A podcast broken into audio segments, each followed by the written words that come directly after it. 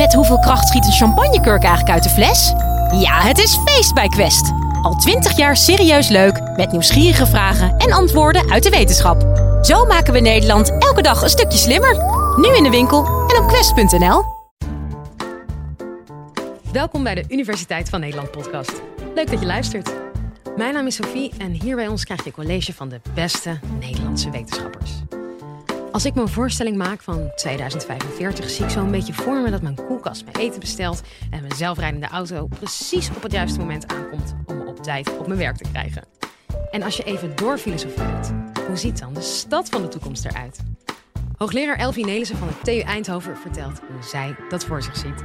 Enjoy!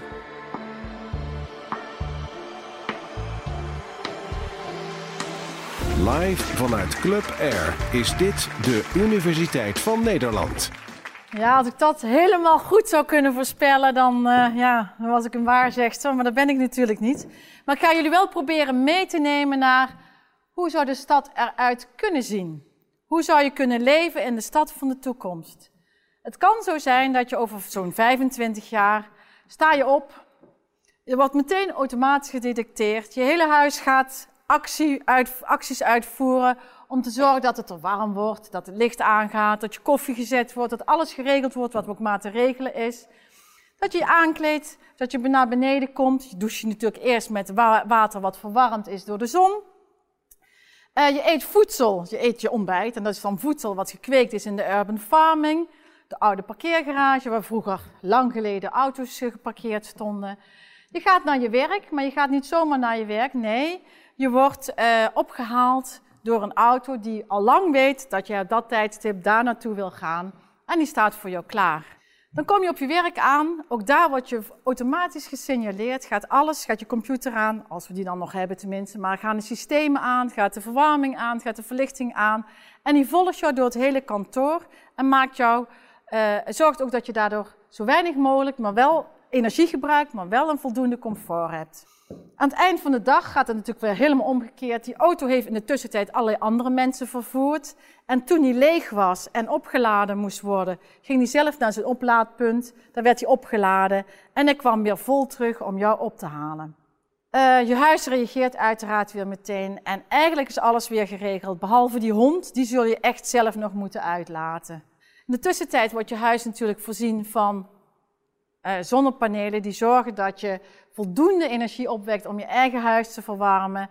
En die energie deel je ook op een slimme manier met je buren. In je wijk zelf zoveel mogelijk, waardoor niet al die energie getransporteerd hoeft te worden. Nou, zo'n verhaal roept voor een bouwkundige natuurlijk heel veel vragen op. Want wat gaat dat nou betekenen voor die gebouwde omgeving? Hoe gaat die eruit zien? Dat het anders wordt, weten we heel duidelijk. Um, we noemen dat eigenlijk smart cities. 25 jaar geleden uh, als je kijkt hoe die ontwikkeling is gegaan van die automatisering en die slimme methodes die we beschikbaar hebben, is er natuurlijk heel veel gebeurd op bouwkundig gebied. 25 jaar geleden tekenden we nog alles met de hand, met een roteringpen en met linealen. Ik weet niet of iemand zich dat nog kan herinneren. Ik wel, want die krengen waren altijd verstopt. En uh, op een gegeven moment kregen we tekenprogramma's. Dus computers die voor ons gewoon op een veel handiger manier met bibliotheken tekeningen konden maken. Dat ging vervolgens over in 3D-modellen. Dus we gingen 3D-tekeningen maken. Dus niet meer een platte vak alleen maar, maar ook nog met allerlei uh, uh, inkijken in hoe 3D eruit zou zien.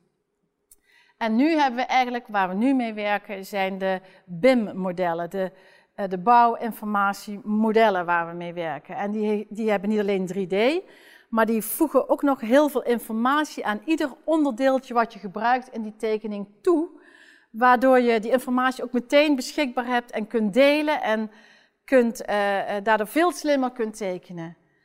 En uh, dat, dat helpt dus om veel beter vooraf fouten te voorkomen. Want je kunt eigenlijk niet meer een kanaal door een balk heen trekken, want dat laat het programma gewoon niet meer toe. En dat geeft te denken van hoe, zou dat, hoe zouden we dat kunnen combineren bijvoorbeeld met betonprinten? Op de TU in Eindhoven hebben we dus een 3D-betonprinter. En dan moet je echt voorstellen, dat is echt in een omvang van uh, eh, 10 meter bij 5 meter en uh, uh, 10 meter hoog, kunnen we beton printen. Dus we kunnen daar hele huizen mee printen.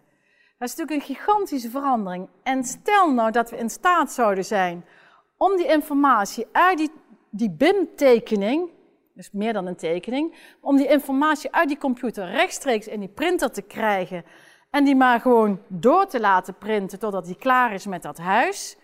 Is natuurlijk een gigantische verandering voor onze gebouwde omgeving. Dat kunnen we op dit moment nog niet, maar daar zijn we natuurlijk wel heel druk mee bezig om, daar, uh, ja, om dat wel te gaan kunnen in de toekomst. En die printer die is natuurlijk veel sneller dan dat een uh, bouwvakker kan bouwen. Want die printer die werkt dag en nacht door, die heeft nooit pauzes, die is nooit ziek, die heeft geen weekend, die heeft geen vakantie. En als je dat uitrekent, dan is hij minstens vijf keer zo snel als een uh, bouwvakker. En hij kan ook nog sneller werken, dat is ook nog eens een keer. Een ander effect kan zijn dat op het moment dat wij natuurlijk uh, autonoom rijden hebben en, en, en, en, auto's die met elkaar communiceren en op 10 centimeter afstand of 2 centimeter afstand van elkaar gaan rijden, dan kunnen kunnen die, kan die verkeersafwikkeling veel efficiënter. Dan kunnen die wegen eigenlijk veel kleiner. Want we hebben nu allemaal die grote wegen nodig, omdat mensen niet zo precies zijn in het rijden. Maar zo'n computergestuurde auto, die is millimeter precies. Die is veel preciezer dan de mensen zijn. Um, wat gaat het betekenen voor de mensen zelf? Wat het ook betekent is dat als je niet meer in staat bent om te rijden, of niet in staat bent om te rijden, bijvoorbeeld omdat je blind bent, of simpelweg omdat je een gebroken arm hebt, of omdat je uh, geen uh, rijbewijs hebt, dan kun je gewoon net als iedereen deelnemen en getransporteerd worden. En dat geeft veel meer sociale verbondenheid. Ik neem jullie nu weer even mee naar hele praktische voorbeelden. En het eerste is een wijk in Eindhoven, de wijk Eckert Vaartbroek, waar wij op ICT en energie allerlei onderzoek doen. En wat we daar uh, proberen is slim om te gaan met lokaal geproduceerde energie. En dat is een uh, onderzoeksprogramma waar we druk mee bezig zijn. En wat we daar ook doen is het systeem WoonConnect hebben we daar geïntegreerd in die wijk. En daar proberen we met een 3D-tool aan bewoners, voordat die woningen allemaal gerenoveerd worden, exact duidelijk te maken wat een bepaalde maatregel, bijvoorbeeld uh, we gaan in plaats van dat enkel glas, gaan we drie dubbel glas plaatsen.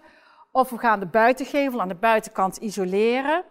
Of we gaan PV-panelen, fotovoltaïsche cellen die elektriciteit opleveren, die komt van de zon, eh, gaan we aanbrengen.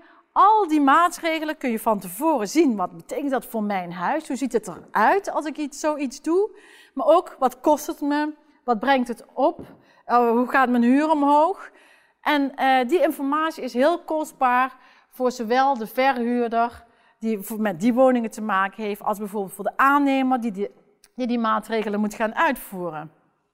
En dat is een heel mooi systeem. En natuurlijk dat we dat hebben kunnen ontwikkelen. En dat is in een Europees project een onderzoeksproject wat we met drie landen samen doen. Uh, een ander project is het project uh, Strijp S, ook een wijk in Eindhoven. Daar hebben we de focus liggen eigenlijk op slim parkeren naast energie en ICT. En we hebben dus overal in die omgeving, in die uh, directe omgeving, zijn sensornetwerken opgericht. En die sensornetwerken die zorgen dat ze voldoende informatie krijgen van al die auto's. Die zorgen voor slimme oplaadsystemen voor de elektrische auto's. En die leiden je ook naar een lege parkeerplaats. Dus je hoeft niet meer te zoeken naar een lege parkeerplaats. Nee, hij zoekt die lege parkeerplaats die zo dicht mogelijk in de buurt van waar jij die behoefte hebt aanwezig is. Er kleine projectjes waar wij stiekempjes de droom voor de toekomst in kleine partjes proberen te ervaren en weer uh, uh, nieuwe onderzoeksvragen vaak ontstaan die we weer proberen te beantwoorden voor de toekomst. En zo proberen we met maatschappelijke vraagstukken uh, ja, toch goede antwoorden op te geven. Dit is Stratums Eind, dat is het uitgaansgebied van de stad Eindhoven. En daar proberen we door slimme verlichting, proberen we um, die omgeving veiliger te maken. We proberen door de middel van de lichtintensiteit en de kleuren van het licht en de mensen die allemaal gedetecteerd worden, proberen we uh, het gewoon veiliger te maken. Dus als ergens te veel mensen zijn, dan kunnen we daar ook de politie bijvoorbeeld op afsturen. En dan kan het voorkomen worden dat het escaleert, zo'n opstootje. Onlangs hadden we een, uh, een leuk akkefietje, want hier wordt heel veel data over verzameld. Hè? En op een gegeven moment uh, had de politie een signaal van daar zijn veel te veel mensen bij elkaar, dit gaat niet goed, daar moet je op af. Dus de politie gaat er naartoe en die vindt daar een hele grote groep hartstikke feestvierende line dancers. Dus een hele groep jongen die waren met z'n allen aan het line dansen en die hadden de grootste lol. En de politie moest echt wel lachen toen ze ja, daarvoor uh, opgetrommeld waren. En dat is natuurlijk hartstikke mooi dat dat dan ja, zo naar voren komt. Maar ze kunnen ook vaak erger voorkomen door op tijd in te grijpen als er te veel mensen bij elkaar zijn. Een ander voorbeeld is dat een spin-off bedrijf van de TU nu geluid kan visualiseren. Dus we hebben de technologie om geluid te visualiseren. En ze kunnen op die manier kunnen ze bijvoorbeeld uh, rinkelend glas detecteren. Dus je kunt van die hele stad acuut merken als ergens in die stad een raam sneuvelt. Wat vaak inbraak betekent. Dus op die manier kun je ook inbraak behoorlijk terugdringen. Het zijn allemaal manieren om die stad veiliger te maken. Nou, zoals ik al zei, die slimme gebouwen gaan ons helpen om efficiënter, flexibeler uh, uh, die toekomst in te gaan. En dat vraagt natuurlijk ook iets van die gebouwen. En die gebouwen die zullen in de toekomst, naar ik aanneem, van veel meer sensoren uh, uitgerust zijn en daarmee ook een stukje flexibiliteit voor die toekomst kunnen garanderen. Want het maakt niet uit waar je die sensor voor gebruikt, die zit er toch al. En we hopen dan ook dat ook in de toekomst de circulaire economie ook bij de gebouwde omgeving is doorgedrongen. En dat we dus de materialen niet meer gaan uh, verkwisten, maar dat we steeds de materialen in hetzelfde tempo gebruiken als wat ze aangemaakt kunnen worden. Dus dat de materialen nooit meer opraken. Of dat je een materiaal steeds zo hergebruikt dat het ook nooit opraakt. Dat is natuurlijk een hele mooie manier van duurzaamheid. En het uh, gaat natuurlijk heel veel veranderen voor de mensen. Want als je geen eigen auto meer hebt, dan heb je ook geen garage meer nodig. Je hebt geen blik meer op straat.